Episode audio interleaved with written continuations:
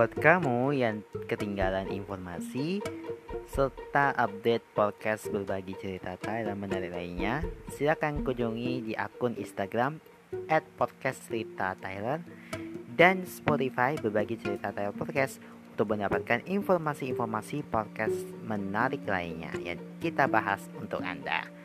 Jangan lupa juga untuk selalu follow akun Instagram at mata underscore underscore dan Twitter at Demata Saputra untuk mendapatkan informasi mengenai program-program unggulan lainnya. Selamat mendengarkan.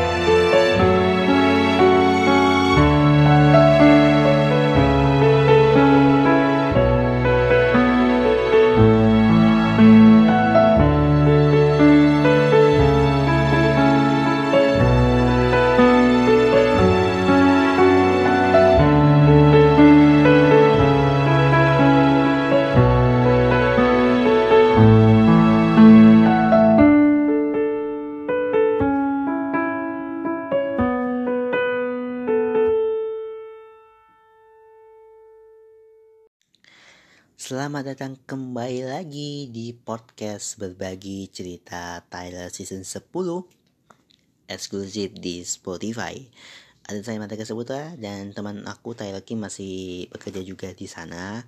Ya kita doakan ya semoga sehat selalu dan lancar semua tugasnya ya. Amin.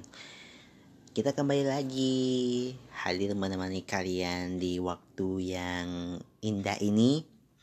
Mungkin yang lagi dikerja, mungkin yang lagi di sekolah, mungkin yang lagi di kantor, atau mungkin lagi beres-beres rumah, bisa ya ya, bisa dengerin kita di Spotify. Jangan lupa untuk download dan juga follow di Spotify atau bisa juga update perkembangan terkininya di Twitter dan juga Instagram. Podcast berbagi cerita Tyler. Nah, hari ini episode mungkin agak rada-rada gimana gitu untuk kita membicarakannya karena kita belum pernah dengerin ceritanya horor gitu. Aku udah beberapa sekali lah untuk kita bacain cerita horor dari kalian, tapi karena belahan-lahan mulai naik nih, jadi kita akan bikin episode ya memang khusus untuk horor ya. Tadinya kita membahas uh, segmen baru ya, cuma kita belum siap gitu. Jadi mudah-mudahan ya semoga segmen di baru ini bisa bisa dimengerti ya ya. Bisa lancarkan semua urusannya ya. Amin. Oke, sekarang kita masuk ke segmen cerita horor. Ya, di segmen cerita horor ini ya memang horornya kayak gini ya. Ceritanya tentang Chayo Tunggoro Mayit. Pementasan ini hanya untuk mereka yang sudah mati dan masih berketayangan di alam ini. Ini karya dari Dioseta. Aku baca dari bagian pertamanya ya, pementasan alas dimit. Kita mulai bacanya ya. Oke, tarik nafas. Kita siap untuk bercerita. Oke. Kami mulai dari di kehidupan malam. Aku terdiam dengan kuda lumbing dan cemeti di tangan. Sekumpulan makhluk itu berkentayangan menetapku dari segala penjuru seolah memaksaku untuk menghibur mereka. Malam itu aku terhenti cukup jauh di hadapan panggung pemetasan luduk yang terletak di tengah hutan. Suara pemetasan sudah tidak lagi meriah. Sebaliknya, hanya ada suara gong yang sesekali dipukul dan suara gamelan yang dibunyikan dengan sayu. Ada yang aneh dengan pementasan ini di hadapanku saat ini. Aku, aku pun mendapatkan jawabannya. Tak lama kakiku lemas mengetahui apa yang sebenarnya terjadi di, terjadi di sana. Para pemain ludo ini mengampiri warga desa yang sudah menonton dengan membawa sejumlah parang tanpa merasa belas kasihan. Mereka menjambak rambut warga desa dan menembas leher mereka satu persatu. Ih, sungguh ya. Jadi darah segar memuncratkan di ke mana-mana, namun secara tidak ada satupun ada warga yang warga desa yang bereaksi atas kejadian itu. Tidak ada satu orang pun yang melawan. Semua seperti terhipnotis oleh pertunjukan sebelumnya. Semua kepala warga desa itu di, dikumpulkan pada sebuah gerobak. Ada sesosok pemain luduk yang masih berdiri dan sesekali menari di atas panggung. Ada yang aneh dari dirinya, ia selalu menggunakan topeng hitam yang mengerikan di wajah. Mataku berkeliling, memandangi semua orang di sana. Saat ini aku berharap untuk tidak menemukan sesuatu yang aku cari. Namun, ternyata harapanku pudar. Dari jauh terlihat bapak dan ibu duduk di barisan tengah, mereka masih hidup. Aku ingin segera berlari menghampirinya, namun aku terhenti saat melihat salah seorang pemain yang membawa parang mendekati kedua orang tuaku. Tanpa berlama-lama pemain itu menarik rambut bapak dan bersiap menembaskan parangnya. Hampir saja aku berlari ke arahnya. Namun rupanya tiba-tiba lenan si pemainnya ini dihentikan oleh seseorang.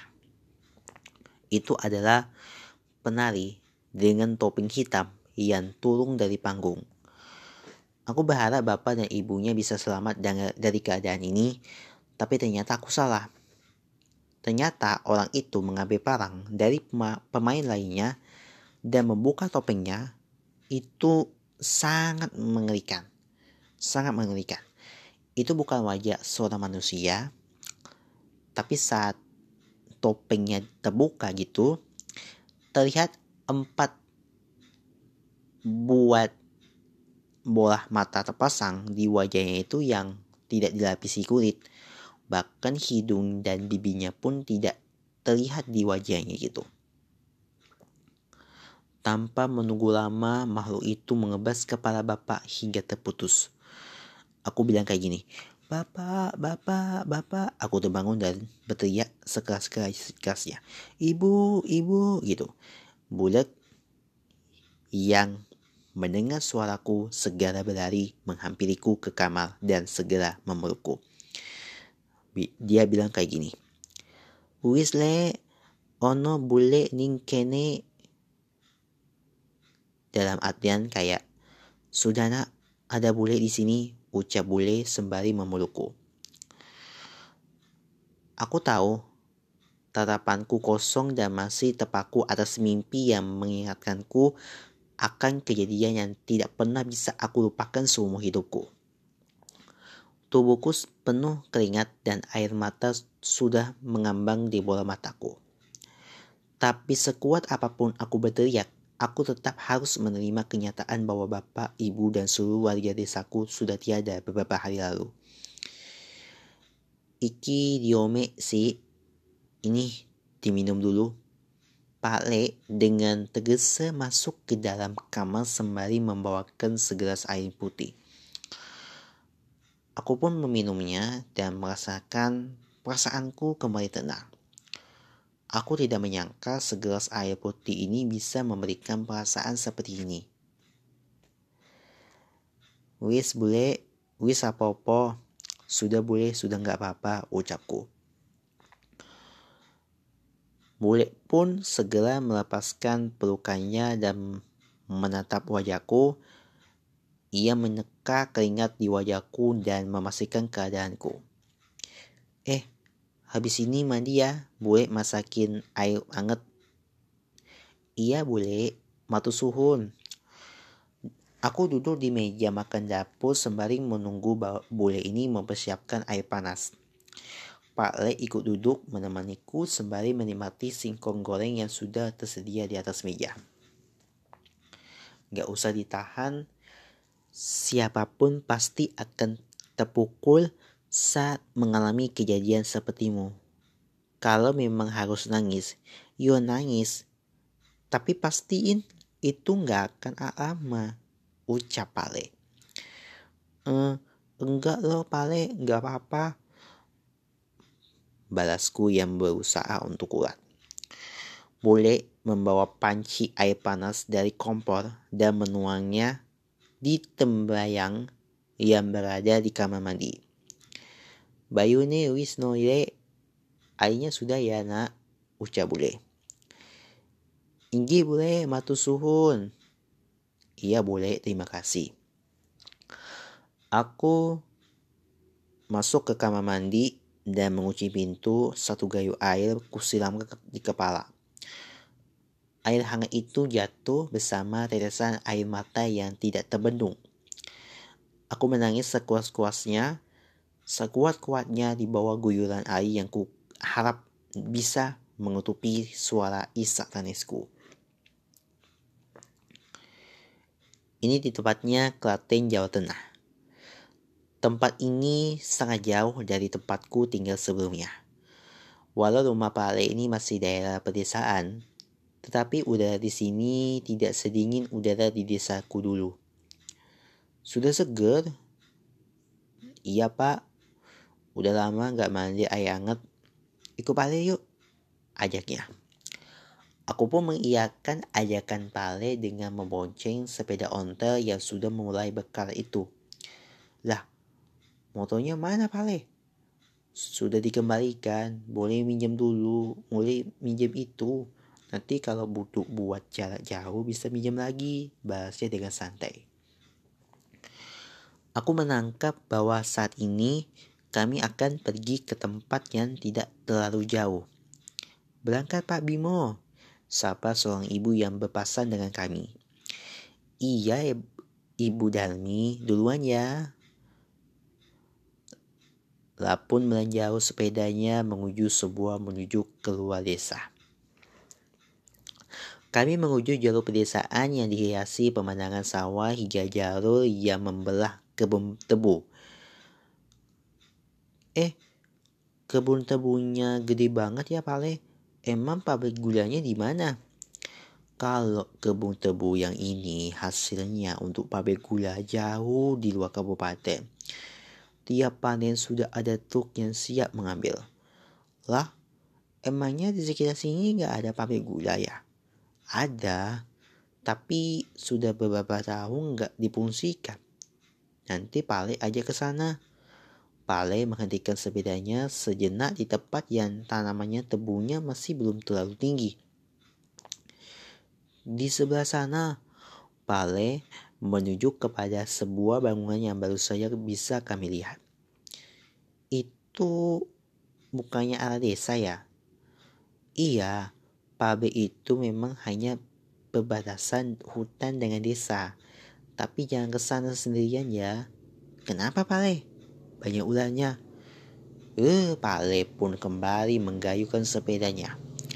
Aku memandang dari jauh bangunan yang terlihat kecil dari tempat ini tapi aku tahu kalau dilihat dari jarak dekat bangunan itu pasti sangat besar dengan halaman yang luas.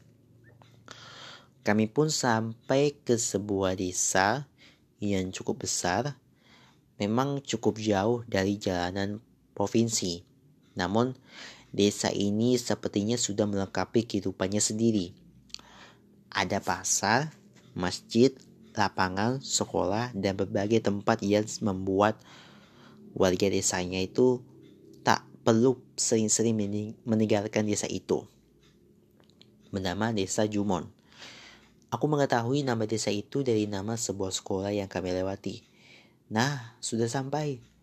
Pak Le memakirkan sepedanya di sebuah rumah dengan arsitektur rumah Belanda namun tidak terlalu besar gitu.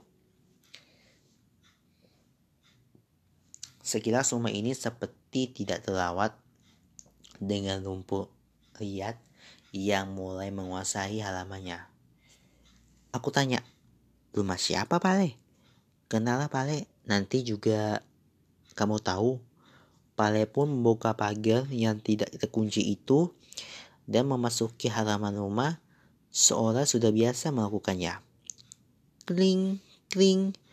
Suara lonceng kecil berbunyi setelah Pale menarik lantai yang menggantung di bawahnya. Aku cukup tertarik dengan benda itu. Lonceng itu memudahkan kami memanggil tuan rumah tanpa harus mengotok-ontok pintu. Eh, Mas Bimo, wis toko. Monggo piana. Dalam artian, eh Mas Bimo, sudah datang ya? Mari, mari silakan duduk. Sambut seorang ibu yang membukakan pintu untuk kami. Kami pun duduk di kursi rotan yang berada di ruang tamunya. Tetapi sebelum berbicara banyak, ibu itu malah buru-buru masuk ke dalam. Minum apa mas? Panas apa dingin? Teriak ibu itu dari dalam rumah. Alah jeng, gak usah repot-repot, sini dulu loh ngobrol. Balas Pale yang tidak dihiraukan oleh ibu itu yang bersikeras membuatnya kami sungguhan. Pale meninggalkan tempat duduknya dan berkeliling melihat isi rumah ini seolah ia sudah biasa melakukannya. Masmu masih sering datang ya? Tanya Pale. Datang kok Mas, Bi Mas Bibonya, tapi terakhir bulan lalu.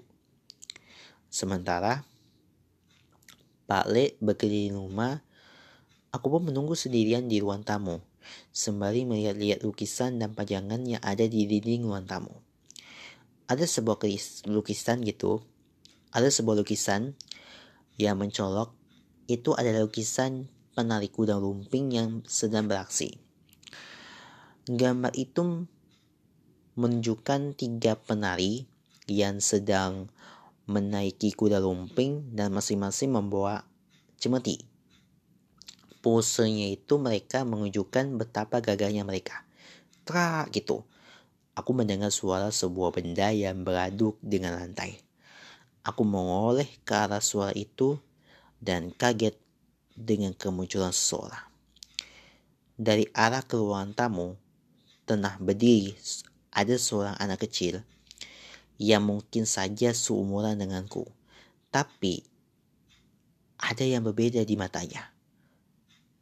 Anak itu buta. Siapa? Ia meraba lantai rumah dengan tongkatnya mendekati ke rumah karaku. Aku pun segera mengampirinya dan membantunya mendekat. Eh, uh, aku Cayo. Aku datang sama Pak Le, maksudnya Pak Bimo. Jawabku canggung. Oh, Pak Le Bimo. Balasnya dengan senyuman lebar yang tiba-tiba muncul di bibirnya. Menyadari anak itu menghampiriku, Pak Le pun kembali ke ruang tamu dan menghampirinya. Wah, Widi, udah gede aja kamu. Anak yang ternyata bernama Widi itu mendekat ke asal suara Pak Le dan merabanya. Ia menggagas mengambil tangan Pak Le dan mempertemukannya di keningnya. Aku merasa betapa sopannya anak ini ya. Benar-benar berbeda terbalik denganku yang lebih senang bertingkah seingatnya. Jelas dong Pak Le, aku bahkan banyak. Tapi masa tiap ke sini ya diomongin itu itu terus udah gede aja kamu protes Widi iya iya maaf. Tapi bener loh sekarang kamu udah tambah tinggi loh. Ah ya bener. Widi merasa senang mengejar ucapan Pak Le. Aku tidak menyangka seorang anak akan senang dengan ucapan seperti itu aja. Tanpa beberapa lama ibu tadi kembali dengan membawa dua buah gelas berisi minuman hangat, kopi hitam untuk Pale, dan teh hangat untukku. Ada beberapa makanan kering yang juga kami yang disajikan untuk mendampingnya itu. Maaf ya seadanya. Wes, tak kena nih ojo repot-repot toh. Sudah aku bilang gak usah repot-repot. Eh gak apa-apa Pak Le, ibu memang senang direpotin. Ibu itu hanya mengelus selama Widi sembari tersenyum. Oh iya, maaf tadi buru-buru jadi belum kenalan sama Mas ya. Siapa namanya? Ibu itu pun akhirnya menyapaku. Cayo bu. Aku pun mengikuti perilaku Windy yang dengan menyambut tangan ibu itu dengan melekakannya ke kening. Tumben sopan, ucap Pak Le setengah meledek. Eh Pak Le, udah sengaja biar kelihatan anak baik malah dijatuhin lagi. Balasku sembari memasang wajah kerutku. Sebaliknya, Windy dan ibunya ini malah tertawa mengejar, mengejar jawab aku. Saya Su Sunardi, ibunya Windy. Manggilnya Ibu Sunar ya, kata Ibu Windy memperkenalkan dirinya. Iya Ibu Sunar. Bentar aku minum dulu ya.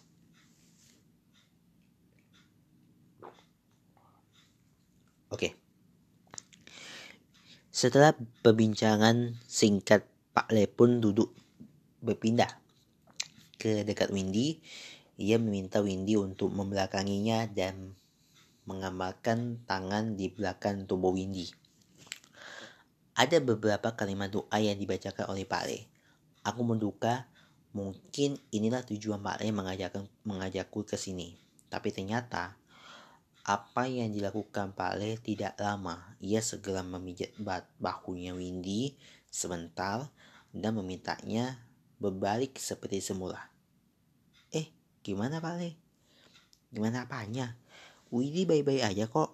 Dari terakhirnya Pak Le itu datang gak pernah kambuh kan? Iya Pak Le. Bu Suna pun menghela napas mendengar ucapan itu. Sayangnya aku masih belum mengerti apa yang mereka rasakan. Menjelang siang, Ibu Suna mulai mempersiapkan masakan sementara Windy kembali ke kamarnya untuk beristirahat.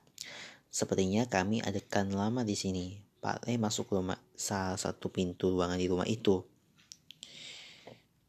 Dari bagaimana barang-barang di ruangan itu disusun, aku bisa mengubah menduga bahwa ruangan itu adalah gudang dengan hati-hati Pak Le mengatap ke sekeliling gudang. Setelah beberapa lama, Pak Le keluar dengan membawa beberapa buah benda dan mengambilku. Apaan itu Pak Le? Pak Le pun memberikan salah satu benda yang ia ambil padaku. Eh, ini buah apa nih Pak Le? Tanyaku sambil membiarkan sebuah pisau mengelung yang diberikan Pak Le. Ngarit, balas Pak Le yang segera mengajakku ke halaman yang penuh dengan liar. Siang-siang gini, mau nunggu tengah malam juga nggak apa-apa sih. Aku pun hanya mengangguk kepalaku mendengarkan perintah Pak Le. Kami berdua pun sedikit-sedikit membersihkan, membersihkan rumah, membersihkan halaman rumah Ibu Sunar yang penuh dengan rumput liar yang sudah meninggi itu. Walaupun cukup malas, aku bisa mengerti maksud Pak Le itu bahwa ia berniat membantu Ibu Suna dan Windy yang memang kekurangannya tenaga untuk mengurusunya rumahnya ini. Pak Le, memangnya ada apa dengan Windy? Tanyaku sembari memotong rumput halaman rumah, itu. Diikuti demi, demi, yang mana Pak Le? Iya, demi itu juga yang membuat ayahnya Windy meninggal. Aku terhenti sejenak saat mendengarkan kalimat itu dari Pak Le. Meninggal gara-gara demit, Pak Le pun menceritakan bahwa ayahnya Windy adalah seorang seniman yang menguasai berbagai tarian tradisional. Tarian tradisional. Ia cukup terkenal karena bersama kelompok tari kuda lumping yang ia dirikan bersama teman-temannya. Eh, kalau kamu tahu, permainan kuda lumping itu umumnya melibatkan sosok gaib. Iya, kalau itu saya tahu. Nah, dari situlah asal muasal masalahnya. Jadi Pak Ale ini bercerita bahwa suatu ketika Ayah Windy diminta mengisi hajatan di salah satu kota kecil di wilayah Pandura, tanpa curiga, mereka sekelompok menerima tawaran itu dan berangkatlah ke sana.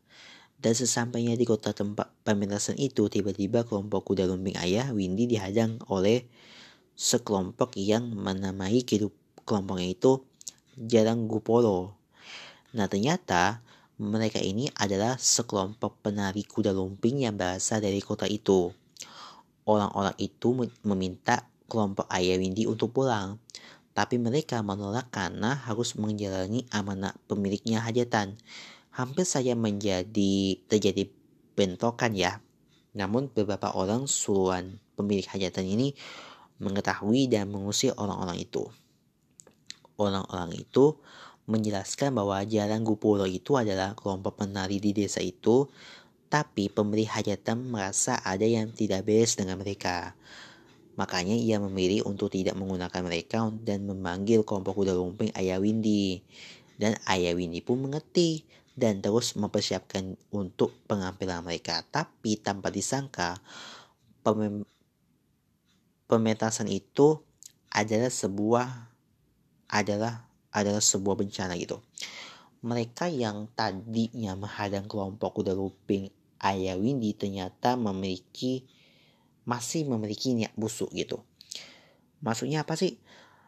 Pementasan yang seharusnya meriah pun akhirnya menjadi bencana.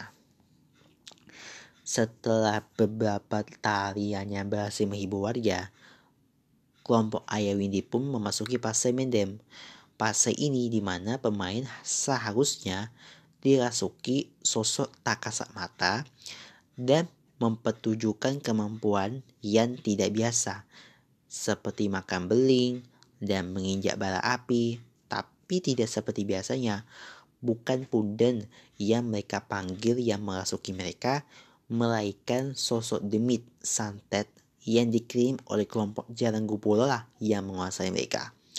Jadi mereka pun mengamuk dan menggila di sana. Ayah Windy mengamuk sejadi-jadinya bersama dengan beberapa kawannya. Nah, pawan yang seharusnya memenangkan mereka pun tidak berkutik. Warga berhamburan ketakutan, sementara beberapa anggota keluarga pemilik hajatan itu juga mengalami kesurupan. Walau begitu, Ayah Windy itu perlahan masih bisa berusaha untuk menguasai dirinya. Ia menari satu-satu persatu satu persatu demit itu ia memasuki teman-temannya yang memasuki keluarganya, pemilik hajatan hingga memasuki tubuhnya. Usaha ayahnya berhasil, tapi ternyata pembuatan itu harus dibayar dengan nyawa. Ya memang usahanya berhasil, tapi ternyata perbuatan itu harus dibayar dengan nyawanya gitu. Saat tubuhnya tidak lagi mampu menahan sosok setan di tubuhnya, Ayah Windy berdiri kaku dengan mata yang memutih dan memuntahkan darah. Seolah sedang dipermainkan, alat-alat musik di tempat itu berbunyi sendiri tanpa ada manusia yang menyentuhnya. Jadi ayahnya Windy ini menari gila seperti hewan buas yang sedang mabuk. Ia terjatuh berdiri lagi dan sesekali melompat memanting dirinya. Hampir di setiap gerakan darah merah memuncrat dari mulutnya. Semua itu terjadi dalam sebuah tahiran, sebuah persembahan gitu ya yang tidak per, tidak akan pernah bisa dilupakan oleh siapa pun yang menontonnya gitu. Jadi pada akhirnya ini Ayah Windy pun mengembuskan nafas lainnya di pementasan itu. Oh, itu benar Pale. Iya, sekarang Ibu Suna dan Windy harus bertahan hidup dengan kondisi seperti ini. Lalu, hubungannya sama Demit yang mengikuti Windy itu Aku masih penasaran dengan hal itu. Pak Le bercerita lagi bahwa setelah pemimpin setelah petunjukan teman-teman kelompok ayahnya, Windy mendatangi sangga kelompok Jalan Grupolo bersama anggota keluarga pemilih hajatan. Dan mereka mendapati pemandangan yang mengerikan. Sangga itu dipenuhi jasad lima orang anggota utama kelompok Jalan Gupolo mereka mati bergelimpangan di salah satu ruangan yang masih dengan sesaji dan tungku kemayan di tengah-tengah mereka. Ternyata mereka pun dijebak oleh sosok yang memberikan ilmu itu. Rupanya sebelumnya ada seseorang yang menawarkan kepada kelompok jaran Kupolo untuk membalas dendam. Ia memberikan ilmu santet kembang mendem pada mereka untuk dikirim ke hajatan itu. Sayangnya mereka tidak sabar, tidak sadar bahwa nyawa perapalah yang harus menjadi bayaran atas ilmu itu. Karena mati dengan tidak tenang, sosok kelompok jalan Kupolo pun berubah menjadi setan gentayangan mereka mengincar kelompok Ayah Windy sampai ke keluarganya. Kini, yang tersisa hanya mereka Windy dan ibunya. Cerita Pale itu benar-benar membuatku terdiam. Ternyata, Windy juga memiliki kisah kelam tentang ayahnya. Oh, berarti The Demit yang mengikuti Windy adalah roh gentayangan dari kelompok Jarang Gupolo ya? Benar. Pale nggak bisa ngusir mereka supaya nggak balik lagi. Ini lagi Pale coba. Aku pun semakin mengerti masuk Pale itu. Entah mengapa setelah mendengar cerita tentang ayahnya Widi tadi, memotong rumput yang sedari tadi terasa berat kini terasa sangat ringan. Pale, cayo, pakai repot-repot motongin rumput lagi. Ucap Windy yang kini tengah duduk di kursi depan rumahnya. Eh, gak apa-apa kok Windy. Mumpung kami lagi di sini sekalian aja.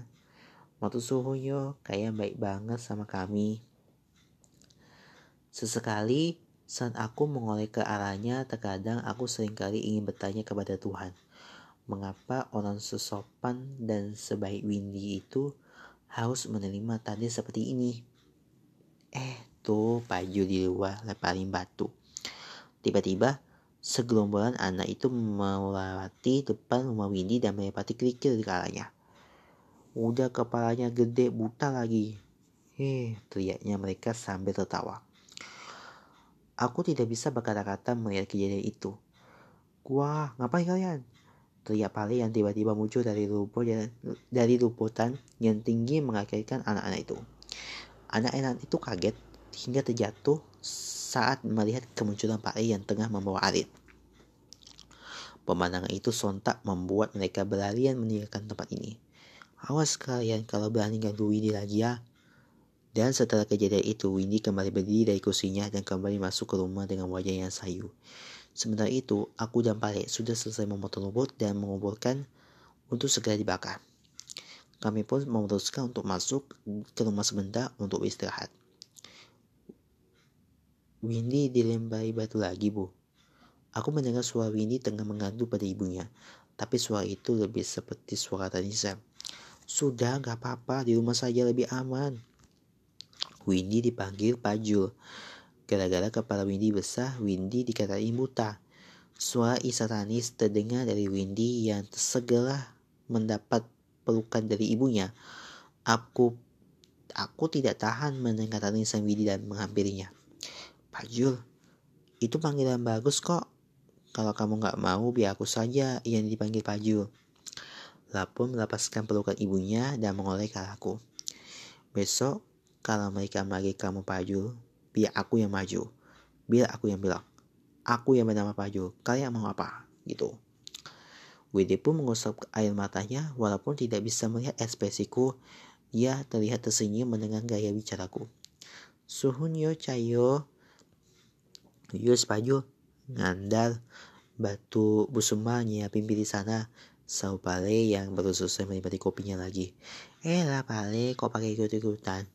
Nggak mau nyobain nasi soto buatan Pak Busuna. Eh, nggak gitu, mau-mau gitu. Siang itulah aku makan begitu lahap setelah begitu lelah membersihkan halaman dari rumput liar. Pak Le masih belum menyentuh pilihannya dan hanya terus mengatapku. Kenapa Pak Le? Sotonya enak tahu. Pale tersenyum sembari menghela nafas. Akhirnya kamu bisa makan yang lahap juga ya. Benar juga ucapan Pale. Sudah beberapa hari ini aku tidak bernafsu makan setelah kejadian yang menimpa orang tua dan seluruh warga desaku. Baru inilah aku bisa memakan senikmat ini. Memangnya sebelum Cayo kenapa mas? Ya gak beda jauh keluarga Cayo. Keluarga saya gak jago masak bu. Jadi sering gak langsung makan. Masakan Bu Suna ini enak banget.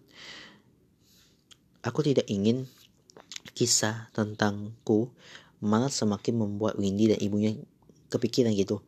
Bruno lah paling mengerti masukku dan mengajukan menghabiskan makan di meja. Eh Cayo, temani main yuk. Ajak Windy yang menghampiriku saat sedang mengabarkan tubuh di teras. Aku melihat Windy sengaja dan penasaran dengan permainan apa yang akan kami mainkan. Pale, aku main sama Windy dulu ya. Aku pun menuntut Windy yang berjalan dengan tongkatnya. Ia mengarah ke perkebungan jati di belakang rumah. Kita main sama siapa? Berdua saja. Enggak, Cayo sama teman-temanku. Tak selama beberapa lama tiba-tiba ada dua orang anak menghampiri kami berdua. Satu anak perempuan dan satu anak laki-laki. Nah, tuh datang. Seorang anak perempuan dengan kepala rambut berkepang menghampiri kami dan memperkenalkan diri kepadaku. Teman Windy ya, aku Suti, aku Muhrin. Sos seorang anak laki-laki yang seumuran kami juga ikut mengenalkan diri. Aku Cayo, baru kenal juga namanya Windy. Kedua teman Windy ini terlihat normal, tidak seperti Windy yang tidak bisa melihat. Aku cukup senang ternyata selain anak-anak akal tadi, Winnie memiliki teman-teman yang mau bermain dengannya ya. Kita main apaan? E, itu Morit mengunjuk ke setumpuk benda berbentuk kuda yang beberapa cemeti. Kuda lumping? Iya. Terus mainnya gimana? Aku masih bingung. Suti mengambilkan benda itu dan memberikan kepalaku sebuah cemeti dan kuda lumping. Kita main perang-perangan dan kuda lumping itu menggambarkan perang dan perjuangan-perjuangan zaman dahulu. Aku mengerti sepertinya ini akan menarik layaknya pemain kuda lumping dalam pementasan. Kami pun kami pun menaiki kuda buatan itu dan saling mengejar satu sama lain. Cemi pun sesekali kami pukulkan ke tanah sembari sesekali ber, bersembunyi di balik pohon, jati. Kejar murid jangan sampai dia kabur. Lari pasukan musuh datang. Kami benar-benar menikmati permainan ini. Sudah lama sejak terakhir kali aku merasakan perasaan sesuai ini. Bahkan tanpa terasa matahari sudah mulai terbenam dan pemandangan di sekitar sudah mulai gelap. Eh, sudah malam. Kita pulang yuk. Mendengar ucapanku, tiba-tiba mereka berhenti dan menatapku dengan tajam. Senyuman mereka hilang begitu saja. Hah, pulang? Ini baru aja mulai, Cayo. Iya, lagi suruh-suruhnya. Aku menyikat dahi. Apakah memang mereka terbiasa bermain sampai semalam ini? Dari tadi sebenarnya aku merasa ada yang menjanggal tapi entah mengapa ya aku tidak bisa mengingat apakah itu. Barulah saat itu aku merasa ada yang aneh dengan Windy. Windy, bukannya kamu nggak bisa lihat ya? Kenapa kamu bisa main selincah itu? Tanyaku yang menyadari keanehan kepada video. Aku memang gak bisa melihat, tapi aku bisa mendengar suara kalian. Ucapannya sembari mengujukkan telinganya. Aku memperhatikan posisi matanya itu tidak seperti mata seorang yang buta. Seperti pertama aku lihat tadi. Bohong, ku coba untuk mengutarakan firasatku. Kali ini wajah mereka Bertiga kembali menatapku dengan tajam. Mereka mulai tidak mempedulikanku dan mulai menari-nari dengan kuda lumping sambil mengambil posisi menggitariku. Cetar gitu. Suara cemitit Murfin itu menggelegar dengan keras dari belakangku. Aku mengoleh dan wajah Muhin seolah mencoba mengancamku. Udah, udah, gak seru, aku pulang aja lah. Ucapku yang saya gila, ini meninggalkan mereka. Ayo Windy, ibumu udah pasti nungguin di rumah. Aku menghampiri Windy, namun ada yang aneh dengan Windy. Ia malah mundur dan menjauh dariku. Ya sudah, kalau nggak kalau nggak mau pulang, aku bilangin ibu ya. Belasku dan mulai kesal. Aku bersiap pergi meninggalkan hutan jati. Suti mencoba menghadangku. Namun aku tidak peduli dan terus berjalan meninggalkan mereka. Saat itu aku benar-benar merasakan firasat yang aneh. Sekali, sekali lagi, aku mengoleh ke belakang dan mendapati mereka bertiga tengah menghadapku di kegelapan dengan wajah dingin yang terasa menyeramkan. Aku pun mempercepat langkahku untuk meninggalkan hutan dan segera memandu pada Busumat. Tapi entah mengapa ya aku merasa hutan ini menjadi begitu luas. Aku merasa sudah berjalan dengan cukup jauh, tapi rumah ini sama sekali belum kelihatan di sini. Walau begitu, aku terus melangkah. Aku sangat tahu bahwa ini adalah arah yang benar. Apa aku tersesat? Langkahku terhenti saat nafasku mulai tak beraturan. Bukan hanya karena berjalan cukup jauh, tapi juga karena rasa takut yang mulai menyebutiku. Cetar. Dari jauh terdengar suara cemeti kuda lumping seperti saat kami bermain tadi. Suara itu bergantian dengan suara langkah yang mendekat ke arahku. Mungkinkah itu adalah suara dari Windy dan yang lain? Lari, lari. Mengapa aku harus lari? Filasku menyatakan aku harus berlari menjauh dari suara itu. Aku pun bingung, namun aku memilih untuk tetap menjauh. Tapi langkahku terhenti saat melihat ada seseorang di depanku. Itu Suti. Suti rumah Windy ke arah sana kan? Tapi saat Suti mengoleh, aku terhenti. Ada apa dengan wajah Suti? Tidak seperti tadi, sekarang terlihat sangat pucat. Bibirnya itu menghitam, pipinya itu dihiasi dengan bekas luka yang membusuk gitu. Su Suti, aku pun terjatuh terduduk di, di tanah melihat wujud Suti itu. Sebaliknya, ia tersenyum saat mendapati kedatanganku. Cetar, Jemati Suti mengantap tanah dan suaranya menggema di seluruh hutan jati. Lapu pun mulai bergerang menggoyangkan badannya dan menari-nari, layaknya seorang pemain kuda lumping di pementasan. Sarup-sarup terdengar suara musik tanpa wujud yang dimainkan mengelilingi Suti. Dengan suara itu, Suti semakin bergiat. Sesekali ia mengangkat kuda lumpingnya dan melompat mempergerakan seseorang penikar yang tengah menguasai kuadrannya. Sesekali ia mengari, memaju, memundurkan kuda lumpingnya sembari sedikit melempar senyuman menggoda dengan wajah menyeramkannya. Bukan itu bukan Suti itu se setan. Dengan sekuat tenaga aku mengeluarkan kakiku untuk berdiri. Aku berpaling dan berusaha berlari sejauh mungkin dari Suti. Tapi saat itu aku melihat ke belakang Suti sudah mendapatkan penontonnya. Barisan pocong sudah menjadi posisi di antara pohon jati. Mereka, mereka menggeliat menyaksikan pengambilan Suti. Aku pun mengoleh ke atas dan mendapati perempuan yang melayang-layang dan makhluk dengan tubuh yang tidak lengkap bertengger di batang pohon jati.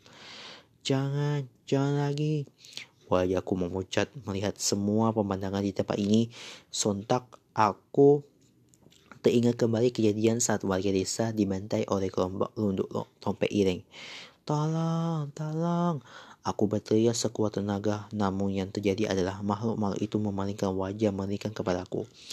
Di hadapanku saat ini tengah melayang sosok perempuan yang terbang terbalik dengan rambut panjang yang berjatuhan dan wajah yang pening bekas udah luka berdarah. Enggak, enggak, jangan ke sini, teriakku. Namun tetap saja makhluk itu semakin mendekat ke arahku. Cetar, Terdengar lagi suara cemeti dari arah Suti.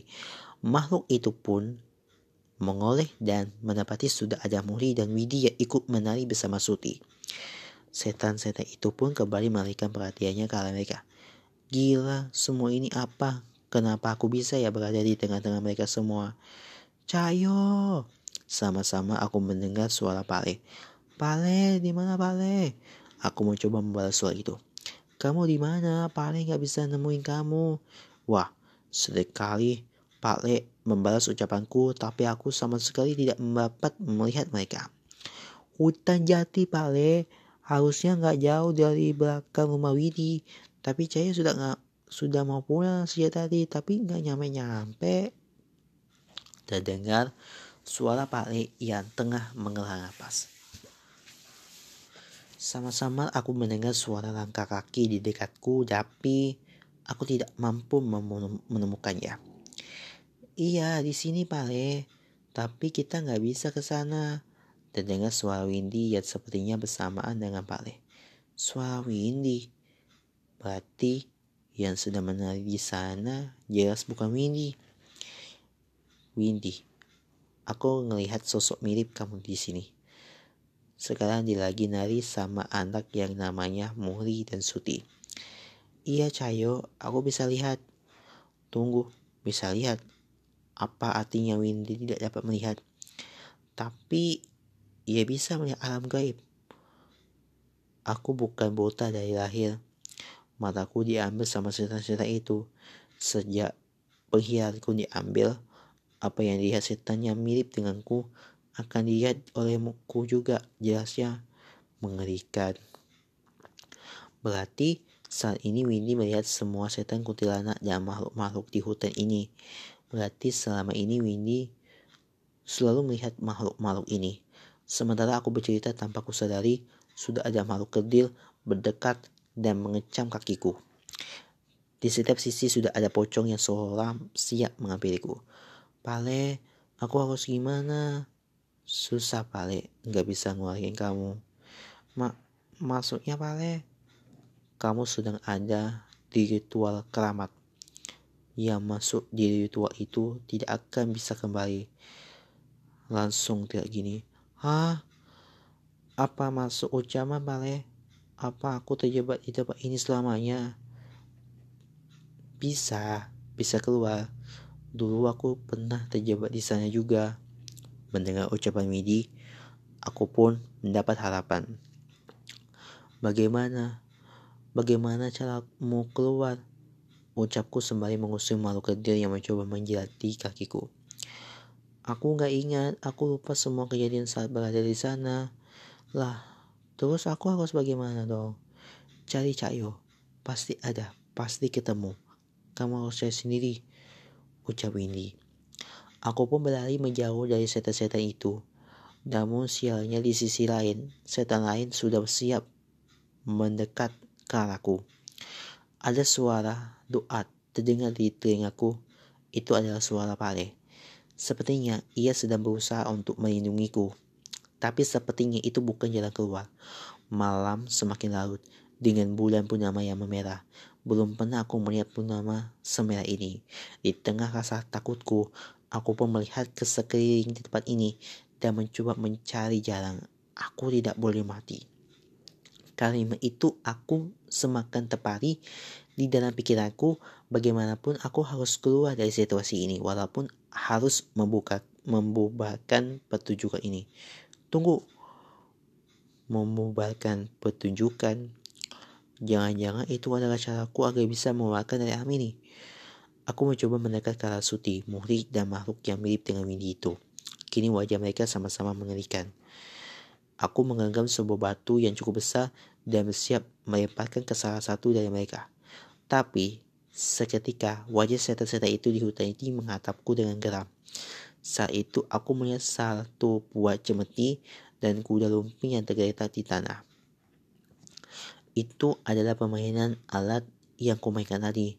Atau mungkin bukan membu membuba membubarkan gitu. Aku mengambil kuda lumping di tanah itu dan menaikinya. Semua cemeti ku genggam di tanganku seperti saat kumainkan tadi, atau mungkin aku memang harus ikut dalam permainan ini.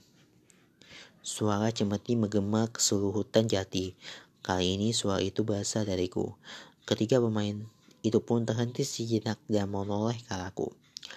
Aku pun mengikuti irama dan mengikuti beberapa gerakan mereka seperti yang kulihat tadi. Aku mulai sebisanya tanpa mempedulikan apakah aku pantas untuk ditonton. Tapi saat itu pandangan setan-setan itu terhadapku berubah. Mereka tidak lagi memang menghadangku dengan mata yang mengancam. Mereka tidak lagi mencoba mencelakaiku. Aku menahan rasa takutku saat bermain bersandingan dengan Suti, Muhri, dan Setan Windy. Dengan hati-hati, aku mencoba mengikuti iramanya. Tanpa sadar, ternyata aku menikmatinya. Jul, Pak Jul, Bangun. Terdengar suara Pak Le bersama tetesan air yang membasahi wajahku. Pak Le, tanyaku yang bingung dengan keadaan sekitar. Aku membuka mataku dan mendapati langit yang sudah terang bersama pohon jati yang menjulang tinggi di hadapanku. Nah benar dipanggil Cahyo nggak bangun, dipanggil Paju baru bangun. Mulai sekarang kamu tak panggil Paju aja. Ucap Ale yang segera berdiri setelah mengetahui aku tersadar. Ya ampun Pale, ditolongin dulu kenapa sih? Lah kamu yang mau tiduran di hutan sendiri, kok minta tolong ke Pale? Ucap Pale yang segera meninggalkanku dan kembali ke rumah Widi. Iya rumah ini terlihat dari sini jaraknya hanya beberapa puluh meter. Terus yang semalam itu apa ya? Aku bermimpi.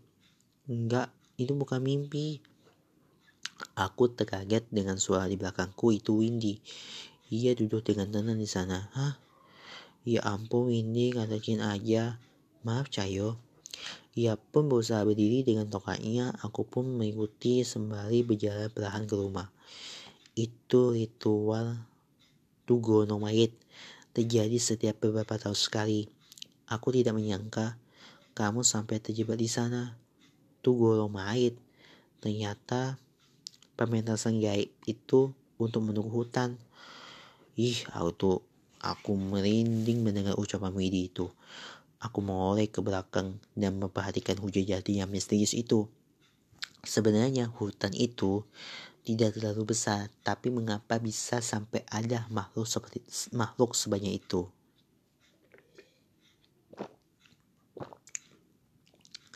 Yoris maaf, repotin ya Windy.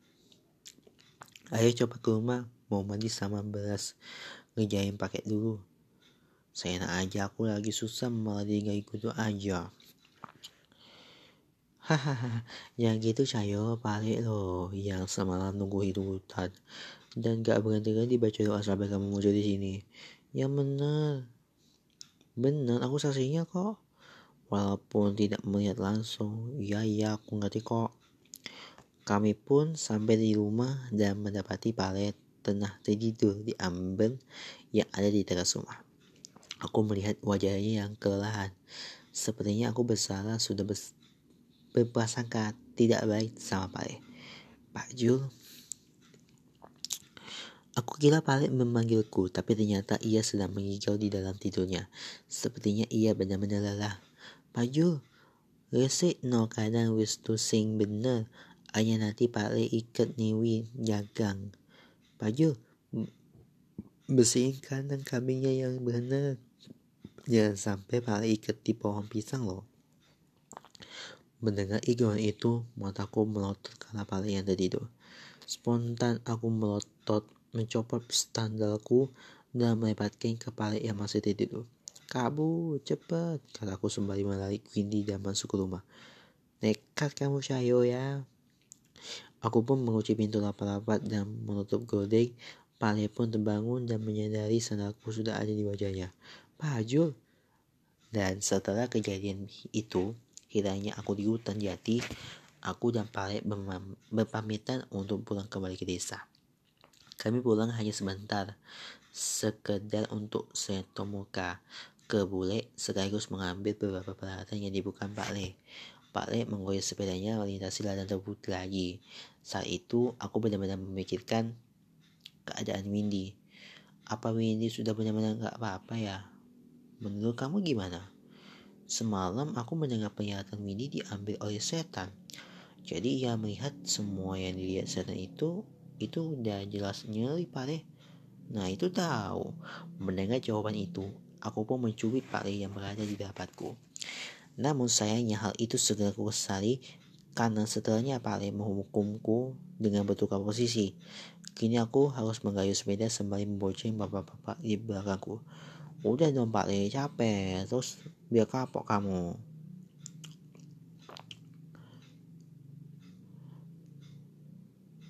Kali ini aku benar-benar tidak bisa melawan.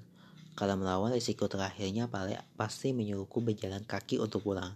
Makanya besok kita harus ke sana lagi. Setan itu masih di sana. Aku pun ngerti dan menoleh ke Pak Le. Setan, maksudnya setan apa Pak Le? setan dari orang-orang yang membunuh ayah Windy. Roh gentayangan dari kelompok Jalan Kuboro. Makanya berdiam di rumah itu, ucap Pak Le.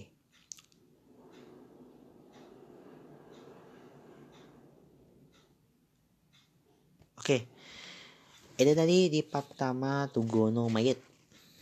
Ya memang ceritanya memang agak serem sih. Tapi kita ini masih di bagian satu ya. Nanti part 2-nya akan hadir di episode selanjutnya ya. Oke, saya mau tidur dulu ya. Sampai jumpa lagi di episode berikutnya. Bye-bye.